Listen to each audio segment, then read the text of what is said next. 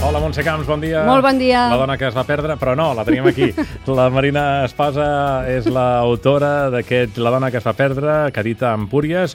Una de les novetats més destacades aquestes últimes setmanes. Sí. És filòloga, la Marina Espasa és traductora, col·laboradora d'aquesta casa. Exactament. El programa El Cabaret El Cabaret Elèctric. Elèctric, I sí. com a crítica literària també. Sí, Escolta, i ara debuta amb aquesta novel·la, és la seva primera novel·la, però realment podem dir que, com deies, és una de les novetats destacades, perquè com a mínim mm, suposa un, un, aporta aire fresc al, pre- al panorama literari d'ara.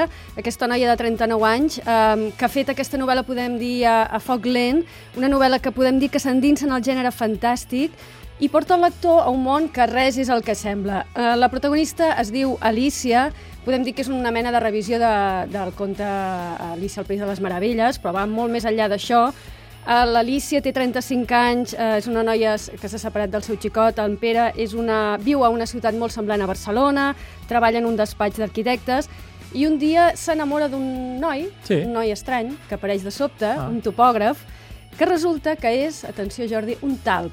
Què dius Un ara? talp, però talp, eh? L'animal. Ah, Sí, però això és topògraf. exacte.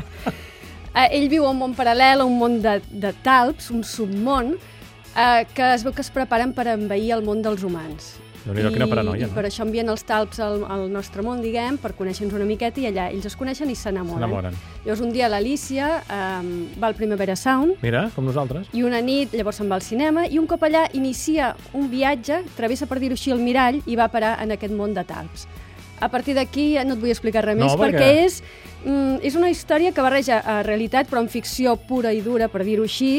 Hi ha mm, referents clars com el mateix Lewis Carro o l'Anna Maria Matute i es pot plantejar com un llibre on, per exemple, parla de la generació que voreja els 40 anys, gent que recerca la seva identitat, que també un llibre que pot fer una crítica social al món d'avui, a la necessitat de buscar un món millor, o senzillament un llibre que és una història purament de ficció, una història que atrapa el lector i que es pot veure com una faula, una faula de mons i de submons. Doncs una faula de mons i de submons que també us deixarem llegir perquè va, Va, home, Doncs va, va.